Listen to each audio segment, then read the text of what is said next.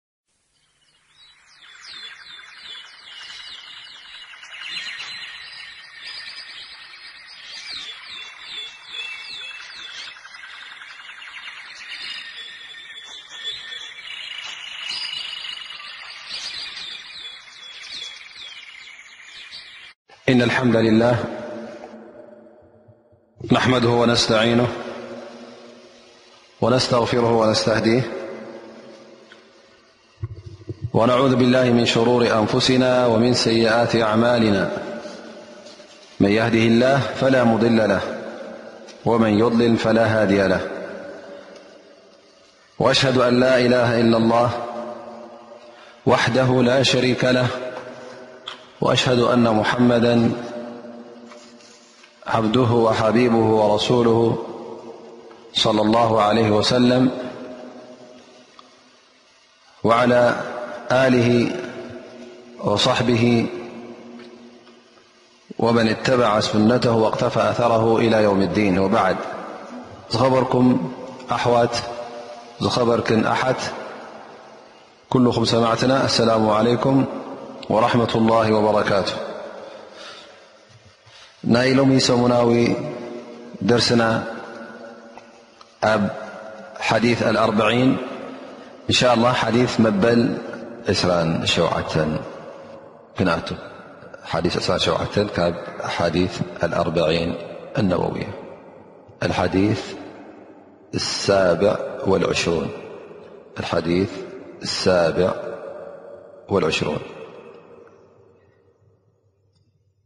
عن النواس بن سمعان - رضي الله عنه عن النبي - صلى الله عليه وسلم - قال البر حسن الخلق والإثم ما حاك في نفسك وكرهت أن يطلع عليه الناس وعن وابصة بن معبد - رضي الله عنه - قال أتيت رسول الله - صلى الله عليه وسلم - فقال جئت تسأل عن البر قلت نعم قال استفت قلبك البر ما اطمأنت إليه النفس واطمأن إليه القلب والإثم ما حاك في النفس وتردد في الصدر وإن أفتاك الناس وأفتوك رواه مسلم እዚ ሓዲስ እዚ ብሕፅር ዝበለ ትርጉም ክንትርጉሞ ይብሉ ነቢ صለ ላه ለ ወሰለም ኣልቢሩ ክበሃል እንከሎ ኣልቢር እንታይ እዩ ሰናይ ማለት እዩ ሰናይ ነገር እቲ ብሉፅ ዝኾነ ነገር እቲ ክብፃሕ ዝድለ ኣብ ሸርዒ እስልምና እቲ ረቢ ዝፈትዎ ነገር ማለት እዩ ስለዚ እዚ ቢር ዝበሃል ሲ እንታይ ይብሉ ነቢ ስለ ላ ሰለም እሱ ከዓ ሑስነ ልኩሉቅ እዩ ሰናይ ጠባይ ሰናይ ስነ ምግባር እቲሓይፍም ትገበን ሓጢኣት ከዓ ኣየና እዩ እቲ ኣብ ነፍስኻ ኣብ ልብኻ ሕርኽርኽ ዝብለካ እናፈፀምካዮ ከለኻ ውን ሰብ ንኽፈልጦ ዘይትደሊ ነገር ትሕበኣሉ ማለት እዩ እዚ ንገዛእ ርእሱ ማእንታይ እዩ ገበን ማለት እዩ ስለዚ እዚ ምልክት ሂቦምና ነቢ ስ ሰለ ካልእ ሓዲስ እውን ይብሉ ዋቢሳ ዋቢሳ ዝበሃል ናብ ነቢ ስ ሰለም መፅኡ ነቢ ስ ሰለም ይብልዎ ብዛዕባ ቢር ንኽትሓትት ዲኻ መጺእካ ኢሎም ይዛረብዎ ይሓትዎ እወ ያ ረሱላ ላ ኢሉ ይምልስ ይብሉ ነቢ ስ ሰለም እስተፍቲ ቀልበክ ኩሉ ግዜ ልብኻ ኣማኸር ኢኻ ልብኻ ሕተት ኢኻ ኣልቢር ሰናይ እቲ ጎይታ ዝፈትዎ ኣየና እዩ ብሉ ነቢ ስ ሰለም እተይ ነብስኻ ትረግኣሉ ነብስኻ ደስ ዝብላ ልብኻ ዝረግኣሉ ልብኻ ዝቕበሎ እቲ ሓጢኣትን ገበንን ከዓ እቲ ኣብ ነብስኻን ኣብ ልብኻን ሕርኽርኽ ዝብለካ ዘጠራጥረካ ሰብ ውን እንተ እዚኣ ግበር እዚኣያ ፅብቕቲ እዚኣያ እተ ኢሎምኻ ኩሉ ግዜ ጥራይ ንዕኦም ኣይትስማዕ እንታይ ደኣ ልብኻ ውን ኣብ ማእኸር ኢኻ ኢሎም እነቢ ለ ላ ለ ሰለም ይሕብሩ ማለት እዩ ብ ልብኻ ምኸር ክበሃል ከሎ ቲ ልብኻ ኢማን ዘለዎ ልቢ ክኸውን ከሉ ዩ ዳኣ እምበር እንተ እዚ ልብኻ እዚ ካብ ኢማን ባዶ እንተ ኮይኑ ኩሉ ግዜ እዚ ልቢ እዚ እዚ ነፍሰ ወይ ከዓ እታ ነፍስኻ ናብ ራ ኣይትመርሓካን እያ ላኪን እንተ መሰረት ኣለካ ኮይኑ ፍርሃት ረቢ ኢማን ብጎይታ ብኣላ ዝኣመንካ እተ ኮይንካ ሕጂ እዚ ኢማንካ እዚ ባዕሉ ኩሉ ግዜ ናብ ኸይሪ ክመርሓካ ማለት እዩ እንተ ሓደ ግዜ ዘጠራጥረካ ኮይኑ ወይከዓ ሰብ ከይርእካ ትብለሉ ኮንካ ትሕበኣሉ ኮንካ እዚ ኩሉ ግዜ ረቢ ዘይፈትዎ ስራሕ ማለት እዩ ኩሉ ግዜ ትልብኻ እውን ባዕሉ ይነግረካ እዩ እዚ እቲ ሓዲስ እዚ ዝጠቅስ ዘሎ እንሻ ላ እዚ ሓዲስ እዚ እተ ብ ዝያዳ ክንትንትኖ ኮይና ናካ ዳእሲ ዓብ ሓዲስ እዩ እቲ ሒዝዎ ዘሎ ቃላት ውን ገዛእ ርሱታ ኣልቢር ትብል ዘላ ቃልሲ ናካ ዳእሲ ኩሉ ሰናይ ዘብኡ ዘማልእት እያ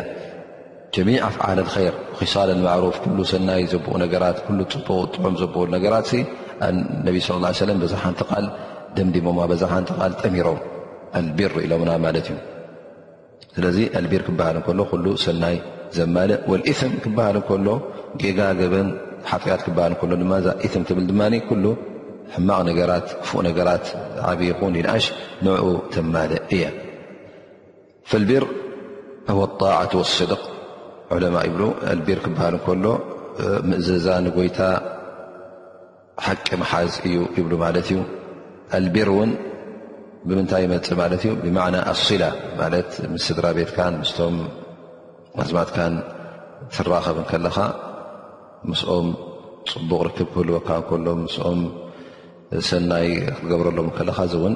ቢር በሃል ማለት እዩ ንኣብነት ሓ ቢሮ ዋሊደይን ትብል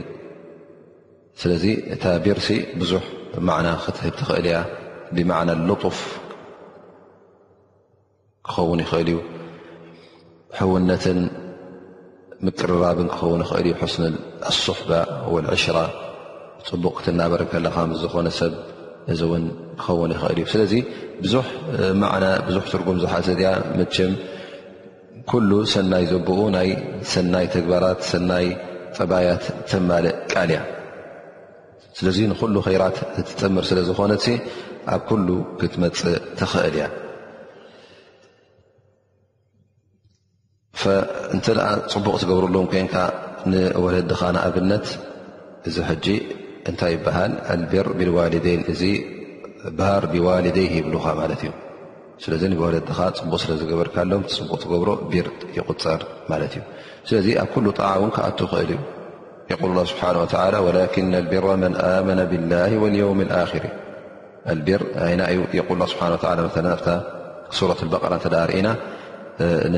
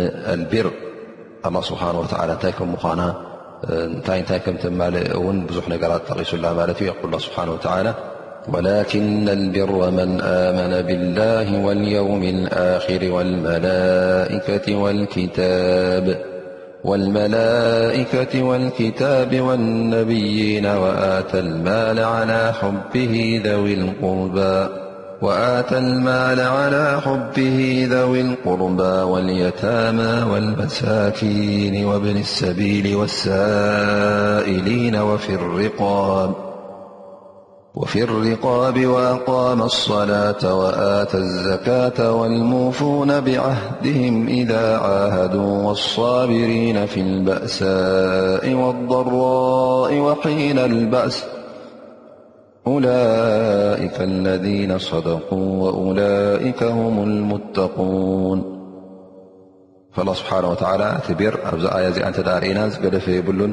ኢማን ቢላህ እቲ ኣርካን ኢማን ተጠቒሱ ማለት እዩ ወልዮውም ልኣክር መዓልቲ ቅያማ ብመላእካ ብክታብ ንኣንብያ ሊላህ ኢልካ ገንዘብ ከተውፅእ ንመሳኪን ንቀዝማድ ንድኻታት ንዘኽታማት ንገያሻይ ንለማናይ ንሓታቲ ንኩሉ ነገራት ከምኡ ውን ሰላት ክትሰግድ ዘካት ክትህብ ቃልኣቲኻ ቃልካ ኣብ ግብሪ ከተውዕል ቃልካ ከይትጠልም ትዕግስቲ ክትገብር ኣብ ግዜ ኩናትን ኣብ ግዜ ድኽነትን ኣብ ግዜ ስእነትን እዚ ኩሉ ኣላ ስብሓን ወተላ ኣብ ትሕቲ ምንታይ ጠቂስዎ ኣብ ትሕቲ ኣልቢር ጠቂስዎ ማለት እዩ እሞ ኣልቢርሲ ኩሉ ሰናይ ዘብኡ ከም ዘማልእ ነልካ ደኣሲ በሪሁልና ማለት እዩ ከማ ቃል ስብሓን ወተላ ወተዓወኑ ዓላ ልቢሪ ወተቕዋ ኢልና እውን ኣብቲ ዝሓለፈ ሓዲስ ጠቂስና ነርና እቲ ቢር ሕጂ ኩሉ ሰናይ ዘብኡ ይኣትዎ ማለት እዩ ወልእትም ዘንቢ እዩ ጌጋ እዩ ገበን እዩ ሓጢኣት እዩ ዝቁፅር ኩሉ ንክትፍፅሙ ዘይፍቀደካ ሓራም ዝኾነ ነገራት እሱ እትም ይቁፅር ማለት እዩ ስለዚ እንተ እዚ ጌርካ ዝገብሮ ዘለኻ ጌጋ ይቁፅር ማለት እዩ መቕፃዕቲ እውን ይግበኣካ ስለዚ ኢትም ንኩሉ ጌጋታት ዘብኡ ረቢ ዘይፈትዎ ሕማቕ ነገራት ሕማቕ ተግባራት ንኡ ተማልእ ኮይና ትርከብ ማለት እዩ እልኢትም ንገዛእ ርእሱ ሕጂ ከምዚ ብዝሓሊሰ ዚ ዝረኣናዮ እቲ ሓጢኣት ወይ ከዓ ትገበን ትገብሮ ዘለካ እቲ ረቢ ዘይፈትዎ ነገር ክትገብር ከለካስ ምልክታት ከም ዘለዎ ኣብዚ ሓሊሰ ዝርኢና ሓደ ካብቲ ምልክታቱ ውሽጣዊ ምልክት ኣሎ ማለት እዩ እቲ ውሽጣዊ ምልክት ከዓ እቲ ኣብ ልብኻ ዝስምዓካ ስምዒት ኣብ ነብስኻ ዝስምዓካ ናይ ደስ ዘይምባል ናይ ሸገርገር ናይ ቀለውላዊ ማለት እዩ ስለዚ እቲ ነብስኻ ኩሉ ግዜ እቲ ሕማቕ ነገር ኣይትፈትዎን ኢኻ ደስ ኣይብለካን እዩ ወላ እውን ሰብ ሕማቕ ነገር ክገብር እንከሎ ሕርኽርኽ ብሎ ማለት እዩ ስለዚ እዚ እንተ ኣሎ ኮይኑ ሕርኽርኽ ዝብለካ እተ ድሕርሕር ንኽትብል ዝደፈፋእካ ኮይኑ ልብኻ ነዚ ነገር እዚ እተ ዘይክሰተሉ ኮይኑ ሕጂ እዚ እንታይ ምልክት ይበካ ኣሎ ማለት ትገብሮ ዘለኻ ትፍፅሙ ዘለኻ ተግባርሲ ጌጋ ከም ምኳኑ ማዕስያ ከም ምኳኑ ረቢ ከም ዘይፈትዎ ካልእ እውን ግዳማዊ ምልክት ሂቡና ነቢ صለ ላه ለ ሰለም ኣብዚ ሓዲስ እዚ እሱ ከዓ ከሪህታ ኣን የጠል ለይ ናስ ኢሎምና ነቢ ስ ሰለም እንታይ ማለት እዩ ሰብ እውን ንኽርእካ ዘይትፈት እተ ኮንካ ነዚ ነገር እዚ እናገበርካዮ ከለኻ እቶም ሰብ ር እቶም ፍራሃት ረቢ ማለት እዩ እቶም ዝሪኦኻ እበር እቶም ሰብ ሙንከር እተ ኮይኖም እዚ ናቶም ጉዳይ ላን ንስኻ ር ሸርጥ ዳፊዐ ናካቲ ክትገብሮም ከለኻ ገለ ሰባት እዚ ነገር እዚ ክትገብሮ ዝፀልእዎ መን እዮም ዝፀልእዎ እቶም ፍራሃት ረቢ እቶም ሰብ ኢማን ማለት እዩ በረይ እንተ ኢማን ዘይብሎም ኮይኖም ፅቡቅ ግበር ሕባቅ ግበር ፍልልይ ዘይብሉ እውን ኣለዎ ማለት እዩ ላን እቲ ሓዲስ ክህብ እንከሎ መን እዮም እቶም ናስ ከሬታ የጠሊዓ ዓለይህ ናስ ሰብ ንክርእዩካ ነዚ ነገር እዚ ትጸልኦ ዝብለና ዘሎ እነቢ ስለ ላሁ ዓለ ወሰለም ምኽንያቱ እቶም ሰብ ኼር እቶም ፈራሃት ረቢ ክርእዩኻ ከለዉ ኣብዚ ተግባር እዚ ደስ ስለ ዘይብሎም ምስኻ እሶም እውን ንኽርእዎ ኣይትፈቱን ኢኻ ማለት እዩ ስለዚ እዚ ምልክት ናይ ምንታይ እዩ ምልክት ናይ ትትገብሮ ዘለኻ ቁኑዕ ከም ዘይኮነ ፍቱው ከም ዘይኮነ ረቢ ከም ዘይፈትዎ ማዕስያ ዘንቢ ከም ምዃኑ ይብርሃልካ ኣሎ ማለት እዩ ስለዚ እንተ እዚ ኩሉ ተረኺቡ ማለት ነቲ ነገር ክትገብሮ ከለኻ ደስ ዘይብለካ ሸገርገር እተ ቅልውላው ዘምፃእካ ኮይኑ ኣብ ርእሲኡ እውን ሰብ ንኸይርእካ እተ ትሕባእ ኮንካ ሰብ ንክርእካ ዘይትፈቱ እተ ኮንካ ንዑ እናቀበርካ እንታይ ኣሎ ማለት እዩ ሕጂ እዚ ኣብቲ ብሩህ ዝኾነ ናይ ማዕስያ ኣብኡ ኣለኻ ማለት እዩ ብሩህ ዝኾነ ሓጢኣት ኢኻ ትፍፅም ዘለኻ ነቢ ስ ሰለም ኣብዚ ሓዲስ እዚ እውን እንታይ ኢሎም ወኢን ኣፍታካ ኣልሙፍቱን ማለት እንተ እታ ልብኻ ደስ ዘይብላ ኮይኑ እዚ ነገር እዚ ጌጋ ኮይኑ ዝስምዓካ እተ ኣሎ ኮይኑ ወላ እውን ሰባት ላላ እዚስ ጌጋ ኣይኮነን ይበሉኻ ስኻ ሕጂ ንኦም ክትሰምዕ የብልካ ምኽንያቱ ወዲ ሰብ ሓደ ነገር ክገብር እንከሎ እሱ እቲ ዝገብሮ ዘሎ ኩሉ ውሽጣ ውሽጡ ይፈልጦ እዩ እቲ ንያናቱ እንታይ ከም ምዃኑ ንምንታይ ከም ዝገብሮ ዘሎ ሰብ ከስተውዕሎ ዘይክእል ነዚ ተግባራት እዚ እሱ ባዕሉ ክገብሮ ከሎ ዘስተውዕሎ ነገራት ስለ ዘሎ እሞታ ነብስኻ እታ ልብኻ እተ ኣብያትካ እዘን ዘረባቶም ሰባት ኣይትስማዕ ድሓን ዩ ምንም ሽግር የብሉን ዝብልካ ዘለዉ እዞም ሰባት እዚኦም እዚ ዘረባ እዚ ካብ ምንታይ ተበግሲ ክኸውን ይኽእል ዩ ምናልባሽ ነቲ ጉዳይ ኩሉ ብኩሉ ሸነካቱ ዘይፈልጡ ስለ ዝኾኑ ምናልባሽ ብ ኣለዉ ግን እስኻ ኩሉ ሸነካቱ ስለ ትፈልጥ ታልብኻ ኣይወደቐትልካን ደስ ኣይበለካን ነዚ ነገር እዚ ንክትገብር ስለዚ በታ እታ ልብኻ ደኣ ንዓኣ ሕራይ በሊኻ ንዕኦም ኣይትስማዕ እዮም ምክንያቱ እስኻ ልብኻ ብዝያዳ እንተ ኢማን ኑር ናይ ኢማን ዘለዋ መሰረት ኢማን ዘለዋ ክትከውን ከላ ሕጂ እታ ልብኻ ባዕላ ነቲ ሕማቕ ነገር ሕርኽርኽ ክብላ ስለ ዝኾነ እሳ ኣ ነታ ልብኻ ኣ ሰዓቢኻ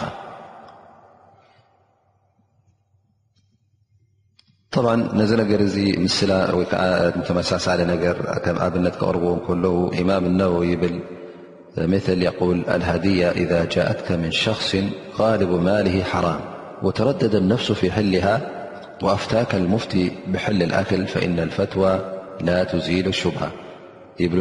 ልማም እነወዊ ንኣብነት ይብለካ እንተ ሓደ ሰብ ሃድያ ሂቡካ እሞ እዚ ሃድያ ዝሃበካስ ትገንዘቡ መብዝሕቱ ካብ ሓራም ዘምፅኦ እተ ኮይኑ እሞ ሕጂ እዛ ሃድያ ክበካ ከሎ እተ ሕርኽርኽ ኢላትካ እተ ደስ ዘይበለትካስ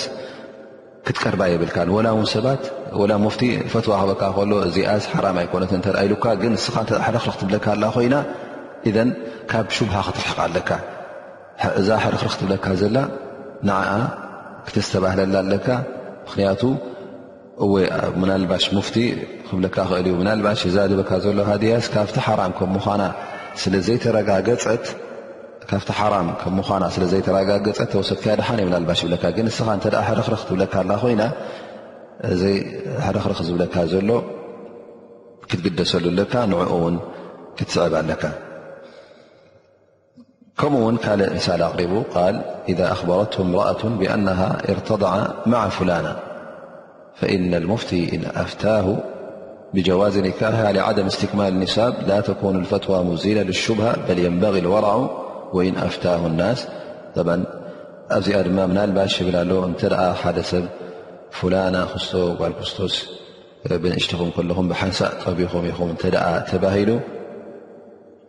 ሕጂ ክጥንቀቕ ኣለካ ይብለካ ኣሎ ማለት እዩ እተ ቧዕ ኢልካ እዚኣ ሓፍተይ ማለት እያ ልካ እተ ኣብ ልብካ ሕርክርክ ብለካ ኣሎ ኮይኑ እዛ ሰብ እዚኣ ክትምርዓዋ ይብልካ ወላ ውን ሞፍቲ እተ ዘይተረጋገፀ ኮይኑ ክሳዕ ሓሙሽተ ሻዕ ዘይጠበዎት ምሳኻ ኮይኑ ሓላሊ እተ ኢሉካ እስኻ ሕጂ እውን ትልብኻ እተ ኣብ ጥርጥር ኣሉ ኮይኑ ኣብ ቅልውላው እተ ኮይኑ ነዚ ነገር ዝቕበሎ እተ ኣብዩካ እታ ልብኻ ንዓኣ ካብ ወራዕ ማለት ካብ ዝያዳ ፍርሃት ረቢ እንተዘይ ተበርዕኻያ ይሓይሽ ምክንያቱ ወላ ውንቲ ሙፍቲ ፈትዋ ይሃበካ ማለት እዩ ስለዚ ከምዚ ዝኣመሰለ እዩ እቲ ልብኻ እንተ ዘይወጥቀልካ ኮይኑ ልብኻ ውን ዕድል ሃቦ ማለት እዩ ምክንያቱ እቲ ልብኻ ከምቲ ዝብልናዮ ካብ ኢማን ዝተላዕለ ስለ ዝኾነ ስለዚ እቲ ኩሉ ኣብ ሸርዒ እስልምና ዝመፀ ድማ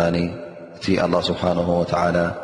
ዝኣዘዘካ ኩሉ ክትፍፅም ኣለካ ሕራ ኢልካ ውን ክትቅበል ኣለካ ልብኻ ውን ክቕበሉ ኣለዎ ማለት እቲ ናይ ሸርዒ ብሩህ ዝኾነ ነገር እተ መፅኡካ ግዴታ ሕጂ ልብኻ ሕረኽረኽ ይብለካ ኣሎ ኣይበሃልን እዩ ዳኑ ኣላ ስብሓን ወተላ ዝኣዘዞ ትእዛዛት እተ ብሩህ ትእዛዝ ኮይኑ ነዚ ሕጂ ብ ፅሩይ ልቢ ብዘይ ውልውል ብዘይ ምጥርጣር ክትቅበሎ ኣለካ ማለት እዩ ሊኣኖ ኣላ ስብሓን ወተላ ዝበሎን ዝኣዘዝዎን ነቢና ሙሓመድ ለ ላ ሰለም ዝበልዎን ዝኣዘዝዎን ኣብ ሽርዒ ዘሎ ልብኻ ክጠራጠር የብሉን ልብኻ የማን ፀጋም ክብል የብሉን ወይ ከዓ ክድሓርሕር የብሉን ነግፈረግ ክብል የብሉን እንታይ ደኣ እትኽኢልካ ሓንጎፋልካ ክትቅበሎ ኣለካ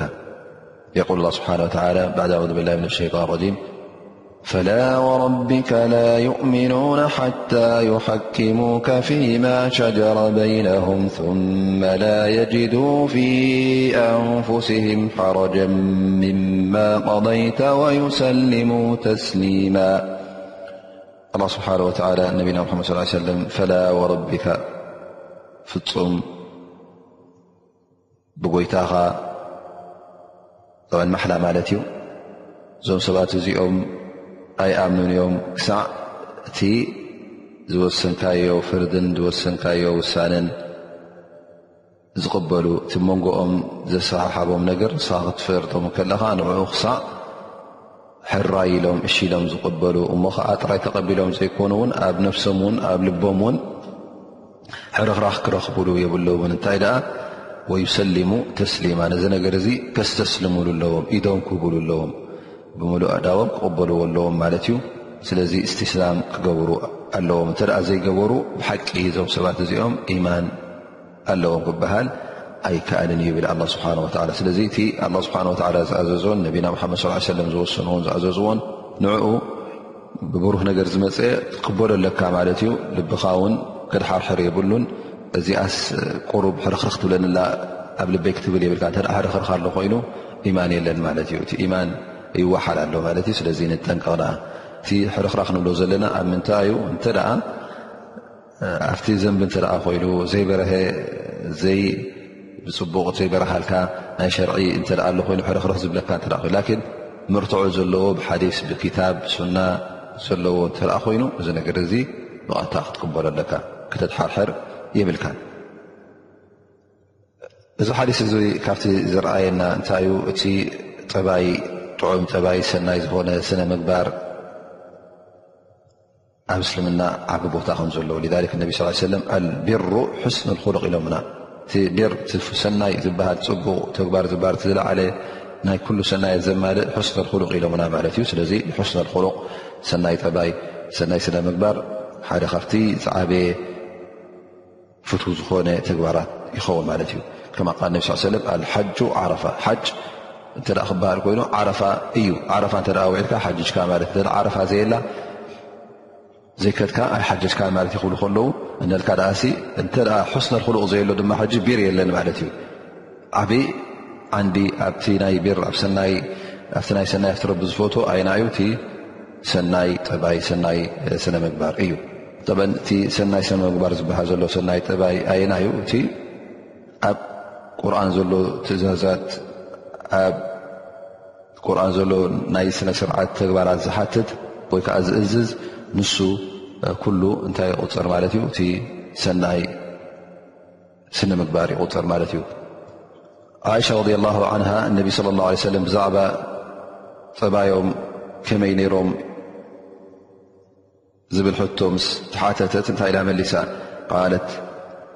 ካነ ሉቁ ቁርን ካነ ሉቁ ለ ላ ሰለም ኣቁርን እነቢ ስለ ላ ለ ሰለም ጠባዮም ስነ ምግባሮም እንታይ እዩ ነይሩ ቁርን እዩ ነይሩ ከኣነ ቁርኑን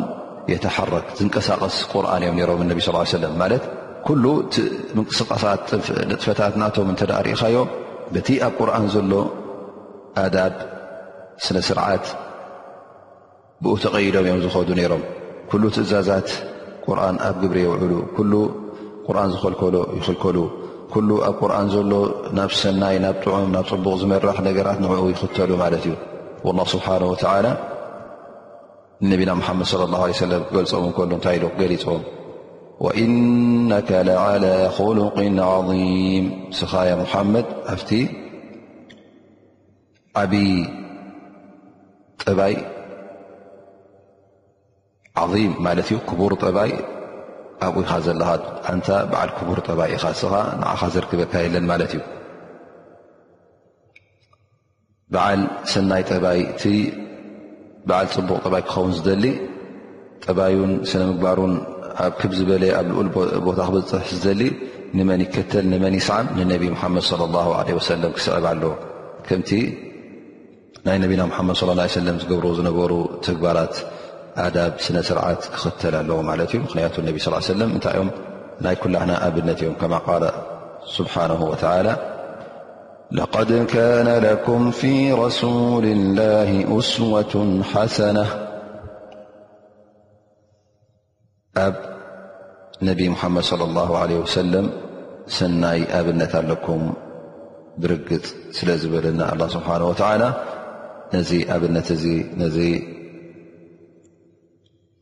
መራሒና እዚ ክንስዕብ ግዴታ ይኸውን። ኣብ መጨረሻ እዚ ሓዲስ እዚ ገለ ካብቲ ዝሓዝናዮ ፋኢዳታት እንተ ክንጠቅስ ኮይና ኣብዚ ሓዲስ እዚ እንታይ ንረክብ ማለት እዩ ቦታ ናይ ልቢ ወዲ ሰብ ማለት እቲ ኣብ ልቡ ዘሎ ኢማን ኣበይ ናይ ደረጃ ኣበይ ናይ ቦታ ከም ዘሎ ንለቡ ክሓትት ከም ዘለዎ ንልቡ ከማኸር ከም ዘለዎ እነርካ ደኣሲ ርኢና ማለት እዩ ስለዚ ቦታ ናይ ልቢ ሰብ እታ ኢማን ዝስቆረላ ስለ ዝኾነት ቦታኣ ዓብ እዩ ስለዚ ክግደሰለ ኣለዎ ነዛ ልቡ እዚኣ ውን ኩሉ ግዜ ንፅህትን ፅሪትን ክገብር ኣለዎ ምስ ኢማን ኩሉ ግዜ ከተኣሳስር ኣለዎ ምኽንያቱ እዛ ልቢ እዚኣ እንተ ኢማን ኣለዋ ኮይኑ ፍርሃት ረቢ እተ ኣለዋ ኮይኑ ኩሉ ግዜ ናብ ኸርያ ክትመርሓካ ናብ ሰናይ ምኽንያቱ ከምዚ ብዙ ሓዲስ ዝተጠቐሰ ኣልቢሩ መጥመኣና ኢለይህ ነፍስ ማለት ኩሉ ር እታ ልቢ ትረግኣሉ እያ ሕማቕ እተ ኮይኑ ግን እታ ልቢ ኣይትረግእን እያ እንታይ ደኣ ትቋላለው እያ ኣብዚ ሓዲስ እዚ እውን እንተ ርኢና እቲ ሽርዒ እስልምና ኩሉ ግዜ እቲ ሕግታቱ ኣብዚ ሓዲስ እዚ ከም ዝረኣናዮ ካብ ልቢ ዝተበገሰ ክኸውን እዩ ዘለዎ ካብ ልቢ ዝተበገሰ ማለት እቲ ነገር ክትገብሮ ከለኻ ካብ ምንታይ ተበጊስካ ካብ ኢማንካ ተደሪኽካ ኢኻ ትገብሮ ኣጅሪ ዘሊኻ ኢኻ ትገብሮ ዝኾነ ይኹን ተግባር ካብ መንግስቲ ፈሪካ ኣይኮንካን እትፍፅሞ ምክንያቱ እተ እዚ ሕግታት ናይ መንግስቲ እተ ርኢና ኮይና እቲ ዝደፋፍእ እንታይ እዩ ስለምንታይ እዮም ነዚ ሕጊ ዚ ቀፂሎም ዝሕዙ ስለምንታይ ነዚ ነገር እዚ ቀፂሎም ይኸዱ ማለት እዩ ፈሪሆም ማለት እዩ ካብ ምንታይ ፈሪሆም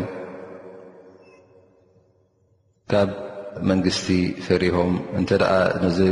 ሕጊ እዚ እንተ ዘይሓዙ ወይ ከዓ በዚ ሕጊ እዚ እተ ዘይተቐየዱ ካብ ማእሰርቲ ከምኡ ውን ካብ ማእሰርቲ ካብ መቕፃዕቲ ናይ ገንዘብ መቕፃዕቲ ካል ዓይነት እናፈረሁ ስለ ዝገብርዎ እቲ ናይ እስልምና ግን ከምዚ ይኮነን እንታይ ደኣ ብውሽጥኻ ተደሪኽካ እትፍፅሙ እዩ ኣብዚ ሓዲስ እዚ እውን ንወስዶ ፋይዳ እተ ኣሎ ኮይኑ ናይ መጨረሻ ፋይዳ ወዲ ሰብ ኣብ ገለገለ ነገራት እንተ ሹብሃ ማለት ዘጠራጥር ነገር እንተ ረኪቡስ ኩሉ ግዜ